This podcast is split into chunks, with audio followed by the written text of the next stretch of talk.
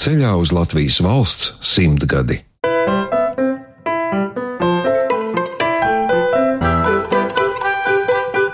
Talantu galerija Radošu personību portreti Latvijas Radio 1.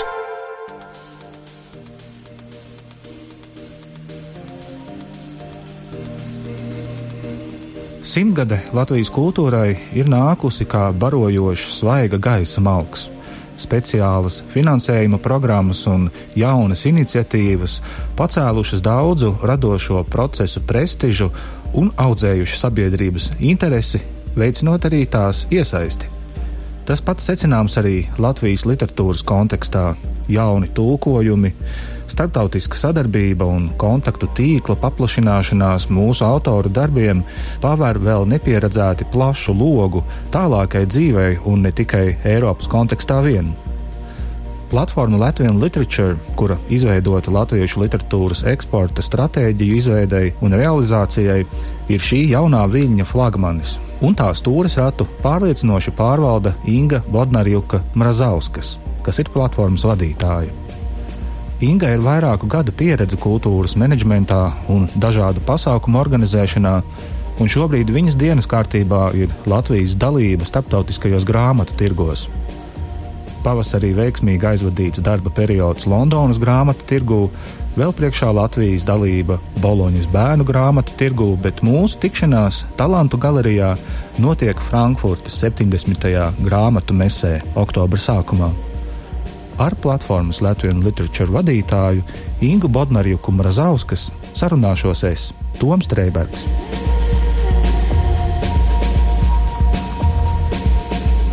Ingas dzīve norisinās divās pilsētās - Rīgā un Berlīnē, un tieši par šo atrašanos divās, nu jau ar vien līdzīgākās kultūra telpās, arī sākam mūsu pastaigu Frankfurtes grāmatu meses centra plašajā teritorijā.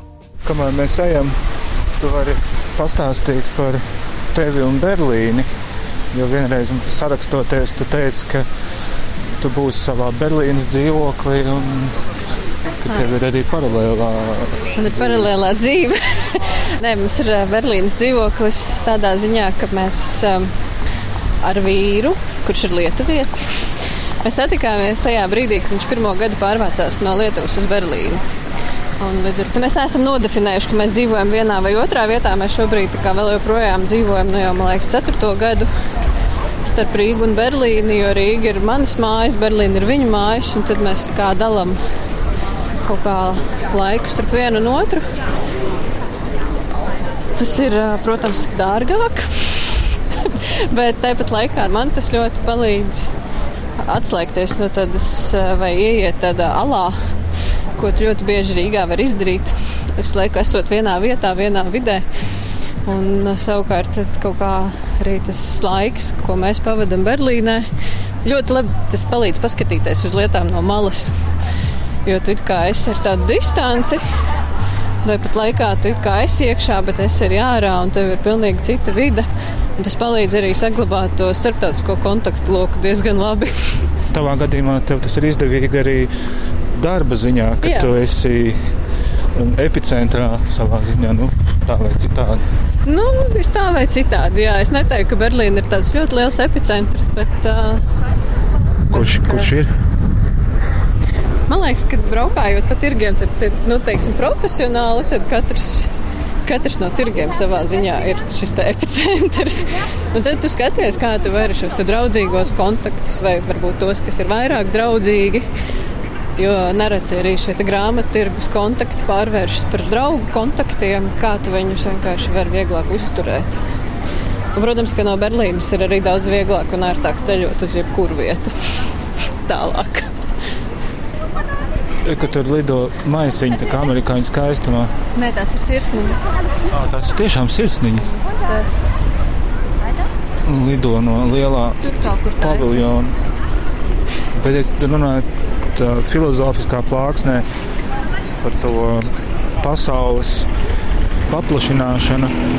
Kā tev šķiet, runājot tieši par Latviju un viņas izgaismošanos vispirms jau Eiropā? Vai varētu būt, ka tas tomēr ir diezgan nesens fenomens, jo Nu, mums vajadzēja vispirms tā teikt, sakārtot savas iekšējās lietas pēc neatkarības, tad tagad varētu būt tas brīdis, kad mēs nākam un darbojamies šeit pilntiesīgi. Jā, man gan šķiet, ka tas ir ļoti atkarīgs no tā, vai mēs to vispār gribam. Jo ja godīgi, man vēl joprojām nešķiet, ka mēs esam ļoti sakārtojuši visu Latvijā. tur ir vēl aizvien ļoti daudz tādas lietas, kas būtu sakārtojamas. Bet man liekas, ka varbūt kaut kādā mērā pirmkārt mainās arī paudzes un mainās šis te. Nu, tu nevari ignorēt to, ka arī nu, gan profesionāli, gan arī privātajā dzīvē, ka tas viss, kas tev notiek apkārt, viņš kļūst aizvien globālāk. Nu, tu vienkārši no tā nevar arī izvairīties kaut kādā mērā. Īpaši, ja tu gribi strādāt aktīvi vai, teiksim, kaut vai kultūras nozarē, tu nevari ignorēt to, kas notiek tev apkārt. Un, uh, man liekas, ka mēs esam nonākuši pie tā punkta, kur ir cilvēki, kas grib iet ārā no Latvijas un kas grib arī parādīt vai pastāstīt. Kaut vai manā gadījumā man bija ļoti svarīgi, ka saviem draugiem arī var pastāstīt, kas ir no dažādām valstīm, ka hei, re, kur Latvija un ko tas vispār nozīmē Latvija, kas mums tur ir. Un, protams, ka No vienas puses, tev vienmēr gribas stāstīt tikai par labām lietām, bet manuprāt, ir ļoti vērtīgi arī šīs diskusijas par to, kas varbūt nav sakārtots kas nav varbūt tik labi vai tik spoži, jo tad tu redzi, un tu, tu vari salīdzināt, kas notiek citās valstīs. Tu redzi kaut kādus kopsaucējus, kāpēc, kā, kāpēc kaut kādi procesi notiek. Un tāpat laikā man vienmēr ir ļoti svarīgi, ka šīs labās pieredzes, vai ka es mēģinu saprast, kāpēc kādā citā valstī, piemēram, notiek labāk vai konkrētā joma ir sakārtota labāk un funkcionē, un kā es to varu savukārt ieviest vai vismaz mēģināt kaut kā uzsākt sarunas par to Latvijā. Bet man šķiet, ka tas tiešām tas ir ļoti, ļoti individuāli atkarīgs no katra cilvēka. Vai tu vispār gribi iet ārā, vai tu jūties komfortabli ar to, vai arī tu gribi palikt nu, tādā savā konkrētajā geogrāfiskajā piesaistes punktā un, un neskatīties, kas notiek apkārt. Man patīk tā doma par citu valstu labo pieredzi un kā viņi izmantot mūsu gadījumā. Tu to dari šobrīd saistībā ar grāmatniecību, vai tā drīzāk ir vispirms šī vēlme, un tad sanāca tā, ka tu to dari ar grāmatām, ar izdevēju darbību, vai arī šī joma tev bija pašai tuva un rosinoša. Mm. No ar grāmatniecības literatūras nozares principā strādāju jau kopš studiju, maģistra studiju laikiem. Es esmu mēģinājusi arī strādāt citās jomās, bet uh, vienmēr esmu nonākusi pie secinājuma, pirmkārt, man nav nu, varbūt kaut kā tā iekšējā sajūta, man nav ko piedāvāt šai jomai, vai man tas patiesībā nemaz tik ļoti neinteresē. Jo mana pirmā prakses vieta bija Baltijas baleta festivāls, kas bija ļoti brīnišķīga pieredze menedžmentā, bet tāpat laikā es sapratu, ka es negribu šajā jomā strādāt. Es esmu mēģinājusi strādāt arī kaut kādu laiku, darbojusies vizuālajā mākslā, bet arī tas vienmēr ir radūries pie tā, ka es nonāku atpakaļ pie literatūras projektiem, kas man ir daudz svarīgāki. Un tad uh, vienā brīdī es nolēmu, ka nu, es vienkārši sekošu tam, kur es pirmkārt jūtos labi, kur man ir idejas, ko un kā vajadzētu darīt, varbūt vai ko es gribētu izdarīt. Un man šķiet, ka tas arī ir. Uh, Nu, tas arī ir tas lauks, kur, ja tev sajūta saka, ka tev jāpaliek, ka tur tev arī vislabāk izdodas. Es gan neesmu iemēģinājusi roku, varbūt, piemēram, mūzikā vai tā, bet nekad arī nav bijusi tāda vēlme. Vai tu vari nedaudz pastāstīt par kultūras akadēmijas laiku? Kuri gadi tie bija, kad tu gāji uz Ludus ielu vai brauc ar velosipēdu? Uz Ludus ielas gāja, liekas, no 2002. līdz 2008. bakalaura maģistra studijas. Pieminēja paudžu jautājumu, un arī kultūras akadēmijā tobrīd bija tāda sava paudze, gan mācību spēku, gan studējošo ziņā. Nevar noliegt, ir zināms kārdinājums idealizēt šos laikus, bet var padalīties. Kāda bija tā, tā ņirboņa to laiku? Man, man, man, es varētu teikt, ka jebkurš kurs kultūras akadēmijā, ka mēs bijām pēdējie, kuriem bija vislabāk. Bet, mums noslēdzās laikmets. Ja. jā, bet ne, es ļoti novērtēju tīra akadēmijas pieredze, jo, manuprāt, tas tiešām bija. Un es domāju, ka tas arī tas atkal ir saistīts tīri ar personību un cik tu pats nospraud mērķus pats sev, ko tu gribi un saproti, ko tu arī negribi. Es diezgan nejauši nokļuvu kultūras akadēmijā. Sākumā gribēju vispār studēt tulkošanu, bet Ventspils augstskolā, tad, kad es tur tiku iekšā, pateica, ka viņi literāro tulkošanu nenodrošina, ka tas vispār ir ārpus programmas. Kultūras akadēmijā es vienkārši braucu garām. Ļoti negribēju studēt Es ļoti atvainojos, bet Latvijas universitātē. bet, bet tas bija spiediens no ģimenes un braucot garām. Lūdzu, ielai es vienkārši ienesu savus dokumentus, pēdējo kopiju, un es arī tiku. Bet es tiku uz studiju programmu starpkultūras sakara Latvija-Vācija. Līdz ar to tas viss studiju process arī vismaz pirmos četrus gadus dalījās tādās divās daļās, ka ir šī vācu sadaļa, kuru es kaut kā pacietu. Un tad bija tā kultūras sēdēja, kas savukārt man ļoti aizrāva. Un tas arī bija, manuprāt, tas brīdis, kur varbūt jau netieši iezīmējās šī orientācija uz literatūru un grāmatniecību, jo es visus savus kursus darbus un arī bakalaura darbu rakstīju nevis kaut ko saistībā ar Vāciju vai vācu valodu, bet es rakstīju par literatūru un kaut kā automātiski tas arī pēc tam saslēdzās maģistra studijās. Bet tas, ko es sev esmu nodefinējis, ko es visvairāk novērtēju akadēmijā, īpaši maģistra studiju laikā, jo tas ir tas, kas man aizved līdz reālajam kultūras menedžmentam ir šis dažādo jomu cilvēki, kas studē ar tevi kopā un ka tu vienkārši vari apmainīties pieredzēm. Un uh, varbūt ne tik ļoti tiešām pašas šīs te teorijas un teorētiskās lekcijas, bet šī praktiskā pieredze, kas tev iedod tādu jau skatījumu uz reālajām lietām. Es pieļauju, ka tas arī bija tas brīdis, kur pilnīgi skaidri izkristalizējās tas mans literatūras lauciņš, jo tajā laikā es arī palīdzēju rīkot dzīslu dienas un literatūras gada balvu.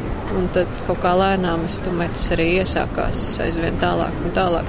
Jo arī viss tas tālākais process vienmēr ir bijis tāds, ka pāris gadus dari vienu lietu, un tad saproti, ka tas kaut kādā mērā tu sevi jau atkārto. Un tad man vienmēr ir bijis tāds tu ej pa ielu un tu pēkšņi iedomājies, oh, es varētu tagad kaut kā vairāk koncentrēties tur uz starptautisko darbu. Un jo vairāk sūti tādas domas kosmosā, man vienmēr ir bijis, ka es nejauši sāku arī tiešām tajā lauciņā rakt dziļāk. Un tu pēc, nezinu, gada vai diviem saproti, ka, oh, tur, kur es esmu tagad jau nonākusi pie tā, ka mēs tiešām tagad varam strādāt arī tur vairāk ar starptautiskajiem kontaktiem. Tas bija arī tas, ko es mēģināju darīt dzīs dienās, mēģināt viņu padarīt par Eiropas festivālu. Un līdz ar to attiecīgi grāmatu tirgu bija loģisks nākamais solis, jo tas tev paver aizvien plašāk un plašāk šo skatu. Ņemot vērā tavu darba specifiku un tikšanos ar ļoti daudziem dažādiem cilvēkiem, kā tu vislabāk no tā visa atpūties? Kas tev dod tādu visdziļāko izelpu pēc tāda kārtīga skrējiena. Man šķiet, ka vistipiskākais, īpaši tādā ziemas periodā, tu jau oktobrī runā par ziemu. Nu, jā, tūlīt būs. Principā parasti ir tā, ka arī nu, kaut vai rīkojot šīs izdevēja vizītes vai kaut kādas, nu, kur ir tas intensīvais posms, kur tev ir nepārtraukti jābūt klāt, kur tev ir jāsarunājas ar 20 cilvēkiem, kas tev patiesībā ir pilnīgi sveši. Un vienlaikus arī jānodrošina, ka viņi jūtas labi un, un arī šeit tāpat skraidot apkārt un nepārtraukti. Kā, tomēr meklējot šo enerģiju sevī, tad uh, Tas ir ļoti nogurdinoši, un man ir ļoti daudz arī jāpārkāpj sev pāri, jo es neesmu no tiem cilvēkiem, kas tā pilnīgi ar prieku pie klāt svešajiem. Labdien, es esmu Inga! un tūlīt sāksim runāt par to, kā mēs varam sadarboties. Bet patiesībā pēc tam ir tā, ka man ir dienas, kuras varu arī vispār nesarunāt. Nu, man, es, es negribu iet ārā no mājas, es negribu satikt ne, pat, pat arī draugus. Tas ir kaut kāds tur divas, trīs dienas, kuras tad es pavadu drīzāk ar sevi. Es, protams, eju uz darbu, bet tas ir tāds, ka tad vakarā es zinu, ka es esmu mājās, ka es varu lasīt grāmatu. Un, Un varbūt ik pa laikam sarunāties ar kaķi vai vīru. bet, bet, līdz... Man patīk, ka vispirms ar kaķi un tad tikai ar vīru. bet tas, kas, tas, ko es ļoti novērtēju, ka neviens ne otrs nepieprasa šo te vēl pastiprināto uzmanību.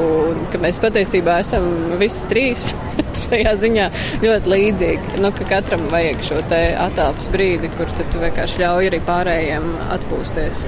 Inga ilgu laiku bija dzējas dienu organizatore. Par šo periodu un ar to saistītajām atmiņām, kā arī kopīgo pieredzi, lūdzu pastāstīt dzēnieci Ēriku Bērziņu. Ja es nemaldos, viss sākās 2003. gadā, kad tika nolemts, tika sameklēts dzēs dienām kurators, kas varētu vadīt visu to lielo procesu. Un patiesībā mums kaut kā uzreiz ļoti labi izveidojās kontakts, jo pirms šiem gadiem, cik tas sanāk, pirms gadiem 15. Nu, kaut kā mēs visi bijām daudz eh, atvērtāki, man liekas, un jautrāki un netik nopietni. Kaut kā ļoti dabiski viss tas notika. Bet es īstenībā tā nu, visu laiku domāju par to, ka trīs gadus jau Inga Bodnerjuka ka trīs gadus jau viņi nav dzēsdienu kuratori un cik ļoti mums viņas pietrūkst. Un bieži vien laikam ir tā, ka viss notiek ļoti labi, kad cilvēks ir īstajā vietā, kad viņš strādā profesionāli. Un ne tikai profesionāli, bet arī ieinteresēti un ar sirdi un ar izpratni un ar spēju domāt ārpus rāmjiem. Nu, kad tas viss process tik veiksmīgi notiek, mēs varbūt reizēm pat nenovērtējam, cik kolosāls cilvēks ir, kas to visu dara. Un tikai tad, ka šī cilvēka vairs šajā vietā nav, ka varbūt kāda cita mēģina šos procesus vadīt, tad tikai mēs redzam, kādi ir bijuši plusi. Manuprāt, viens no lielākajiem izaicinājumiem mums bija mūsu sadarbības sākuma posmā tālajā 2006. gadā, kad kopā ar Margitu Zālīti, jeb Margo, kā daudz viņu zina, un Ingu un vēl daudziem cilvēkiem mēs realizējām projektu Dzējas likums.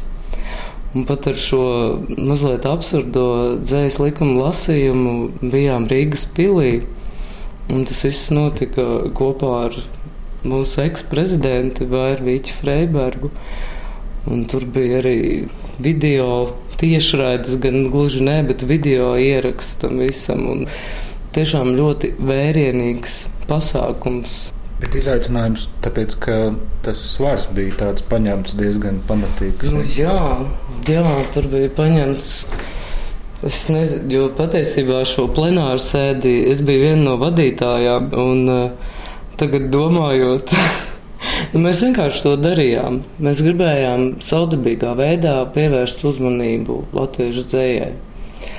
Un uh, es domāju, ka toreiz tas mums izdevās. Nu, arī tas, ka izdomāt tos pasākumus. Un, eh, nu, bija tāda ideja laboratorija, ja tā var teikt. Un kas vēl ir, eh, protams, Ingai nu, tāda brīnišķīga īpašība, ka to viņas ieinteresētību var sajust eh, visdažādākajos līmeņos. Tas ir nevis, nu, tā kā viņa bija, jā, nu, tāda dzēnieku krustmāte. kas padomāja, jā, lai dzinēji piedalās dažādos pasākumos, vai lai ir kaut kādi autori parādās, vai nezinu, vienkārši viņi varēja man piezinīt un teikt, Ērika, es gribu, lai tu vēl nolasi dzēju tur un tur. Un es viņai vienmēr piekritu, jo es zināju, ka tas pasākums būs labs. Un tajā pašā laikā viņi varēja ierasties uz ceļojumu, jo viņa nu, gandrīz visos ceļojumos ar dzēniekiem arī piedalījās un ierasties ar pašas ceptiem kēksiņiem, ko viņi kopā ar draugu bija visu iepriekšējo nakti cepus, lai pacienātu dzēniekus. Kuriem tas ir diezgan nozīmīgi, kā dzīsniekiem, ka viņas pacienā. nu, jā, bet nu, teiksim, tās tādas lietas, ko tev neviens nesaka. Vienkārši tāpat nu, vajadzētu. Ja? Nu, mēs tikpat labi varam cepumiņus nopirkt lielveikalā, bet nu, tā ir šī personīgā attieksme un ieinteresētība viss, teiksim, tādā šī vārda dziļākā izpratnē. Šajā raidījuma talantu galerija laidienā es, Toms Trēbergs, sarunājos ar platformas Latvijas literatūras vadītāju Ingu Bodnarjuku Mrazauskas. Mēs esam apstākļu upuri, jo tiekamies ar tevi Frankfurtas grāmatu mesē. Tu vadi platformu Latvijas literatūra Nu, kā tad mēs neparunāsim par literatūru kā tādu? Vai tu vari sniegt tādu audiālu ieskatu savā grāmatu plauktā, ko mēs tur varētu atrast? Oh. Manā grāmatā. Es nezinu, cik tas ir korekti tagad pret grāmatu autoriem, pārdevējiem un izdevējiem. Bet man ļoti nepatīk, ja man apkārt ir haoss un daudz mantu. Līdz ar to es arī visā savā dzīves telpā cenšos to visu līdz tādam nu, tādam izdzīvošanas, pirmkārt, turēt viņu minimālā līmenī, un tik līdz es jūtu arī, un tas visvairāk attiecās tieši uz grāmatu plauktu. Man ir viens konkrēts grāmatu plaukts, un tik līdz viņš kļūst pārpildīts, tā es cenšos visu izlasīt to un arī vēl neizlasīto, pareizāk sakot, visu to saturu, kas tur ir, sadalīt uh, trīs kategorijās. Grāmatas, kuras man būs kādreiz noderīgas, grāmatas, kuras es izlasīšu vienreiz, un visticamāk, nekad pie viņām vairs neatgriezīšos, un tad grāmatas, kuras es izlasīšu un pie viņām atgriezīšos, vai kuras vienkārši es vēl neesmu izlasījusi. Un visu to kas ir tajā otrajā kategorijā, godprātīgi es tiešām visu izlasu, bet es parasti cenšos vai nu to iedot tālāk cilvēkiem, kuri būtu ieinteresēti šīs grāmatas lasīt, vai ielikt savā grāmatu plauktā, vai arī es viņus nesu pagaidām uz naizplēs telpu, kur ir plaukts kur es zinu, kur nāk cilvēki skatīties, un arī šīs grāmatas ļoti bieži paņem. Jo tas modelis, principā, man ārkārtīgi patīk. Es to Bonnā redzēju kur uh, viņi vecās telefonu būdiņas ir pārveidojuši pilsētā par tādiem vienkārši plauktiem.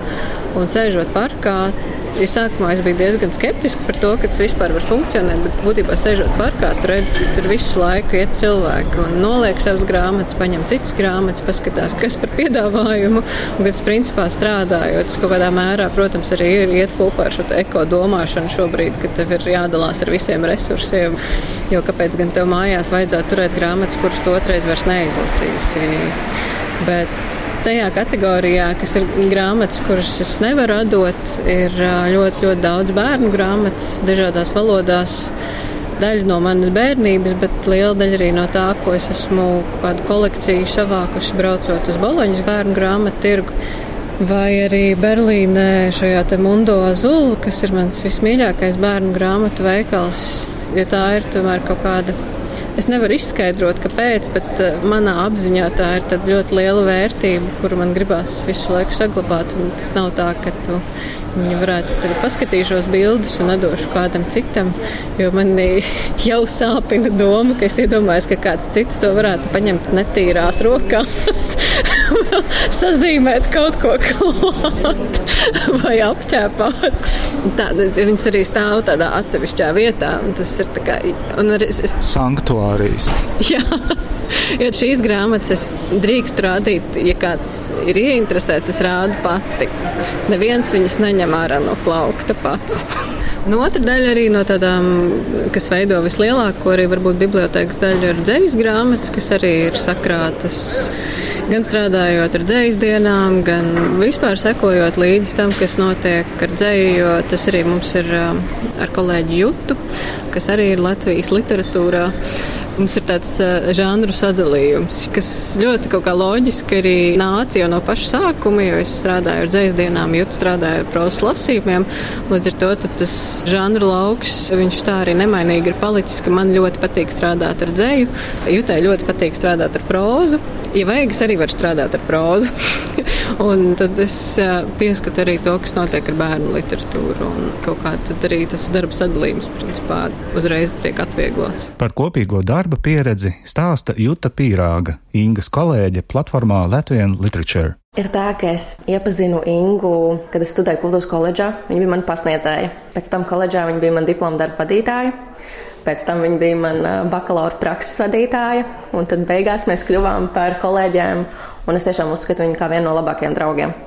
Un skaidrs, ka tas arī tajā darba dinamikā nozīmē, ka mēs arī par darba lietām sarakstamies sestdienā, svētdienā, vai piekdienas vakarā, vai agri no rīta, vai vēlu vakarā. Bet nu jā, es tiešām apbrīnoju to Ingas spēju mobilizēt komandu vienam konkrētam mērķim. Un uh, viņa saistībā ar to savu iepriekšējo darbu jauniešu organizācijās, strādājot ar jauniešiem, viņa ir tā apgūst tādu ļoti labu spēju atļaut cilvēkiem kļūdīties. Viņa ļoti bieži kā, mums kādam kā, komandā atļauj kļūdīties, un pēc tam kā, tevi nevis nosoda par kļūdu, bet uh, mēs visi kopā mācāmies no tās kļūdas un kopā ejam tālāk. Man liekas, tā ir tāda ļoti ļoti vērtīga īpašība vadītājam. Uz kafejnīcām arī aiziet, ja esat, teiksim, kaut vai šogad Londonā vai Frankfurtē. Jo man liekas, ir svarīgi tādos brīžos, kad tu vari palaist vaļā kaut kādu to saspringumu. Mm -hmm, jā. Tad jūs palaižat vaļā to saspringumu. Ja? Jā, mēs dažreiz palaižam vaļā to saspringumu. Par ko bija tavs diploma darbs, kuram viņi bija vadītāji? Tas bija kultūras koledžā fotoizstāde Jura Kronberga dzējai. No krājuma vilks vienacis. Tad būtībā viņi toreiz man pieaicināja, jo mums tā fotonodaļas vadītāja teica, ka Inga ir Latvijā tuvu stāvošs cilvēks literatūrai. Tad man noteikti vajadzētu savu darbu un, kā izrādās, arī savu nākotni saistīt ar viņu. Tobrīd vēl īsti to neapzinoties. Vispār neapzinoties, ka mēs ar Ingu būsim labas draudzenes, jo Kārls Vērdiņš intervēja Ingu Latviju tekstiem, un tur viņa intervijā bija tā kā man pieminējis, runāja par mani. Viņa stāstīja, jūtas tā es superīgs Excel tabulas. Un tad man likās, jā, Tā kā mums būs viss kārtībā dzīvē. Šis aizies. Jā, šis aizies. ja tu rakstītu bērnu grāmatu, par ko viņi būtu? Nē, nevaru iedomāties. Nu, kas viņu ilustrē? Mm, nebūs. Tādā skaistajā stāstā. Labi, mm -mm. es drīzāk tā, ja tu rakstītu šādu grāmatu, vai tu rakstītu par tādu vairāk realistiskāku ikdienu un risinātu varbūt kaut kādas problēmas, vai arī tu drīzāk ietu šo tādu pārdomu un uh, varbūt arī niķu un stiķu ceļu, kas, piemēram, ir. Es domāju, es, mm, es domāju, ka es izvēlētos to realistisko ceļu. Jo tas ir tas, kas man pašai ļoti uzrunā tieši bērnu grāmatās.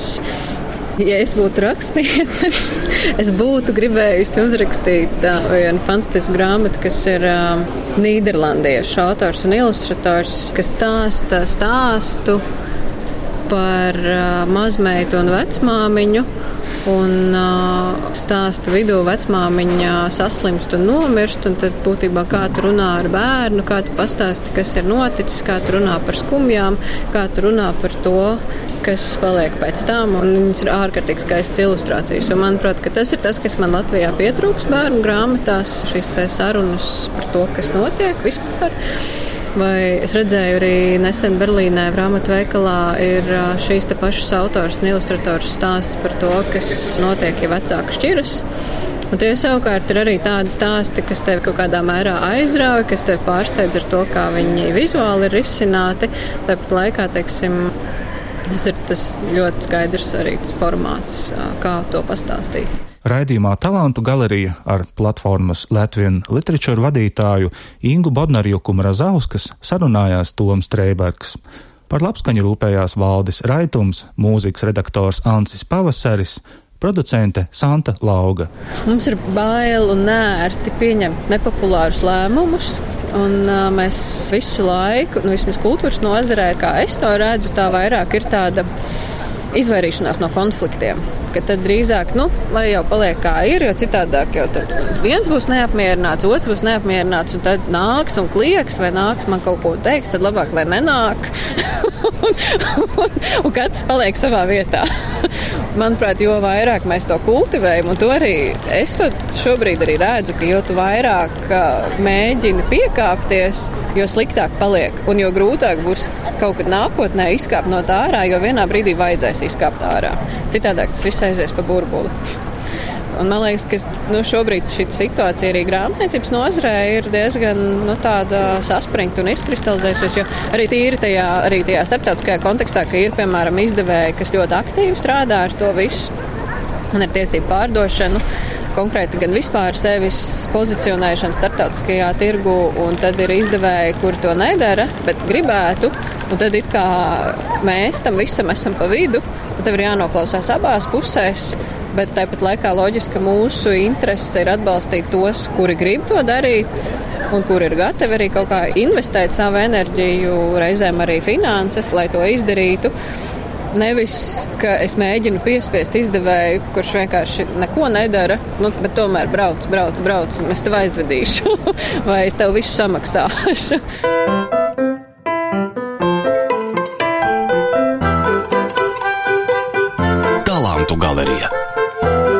vadošu personību portreti Latvijas Radio 1. Izskanēja Latvijas valsts simtgades programmas raidījums.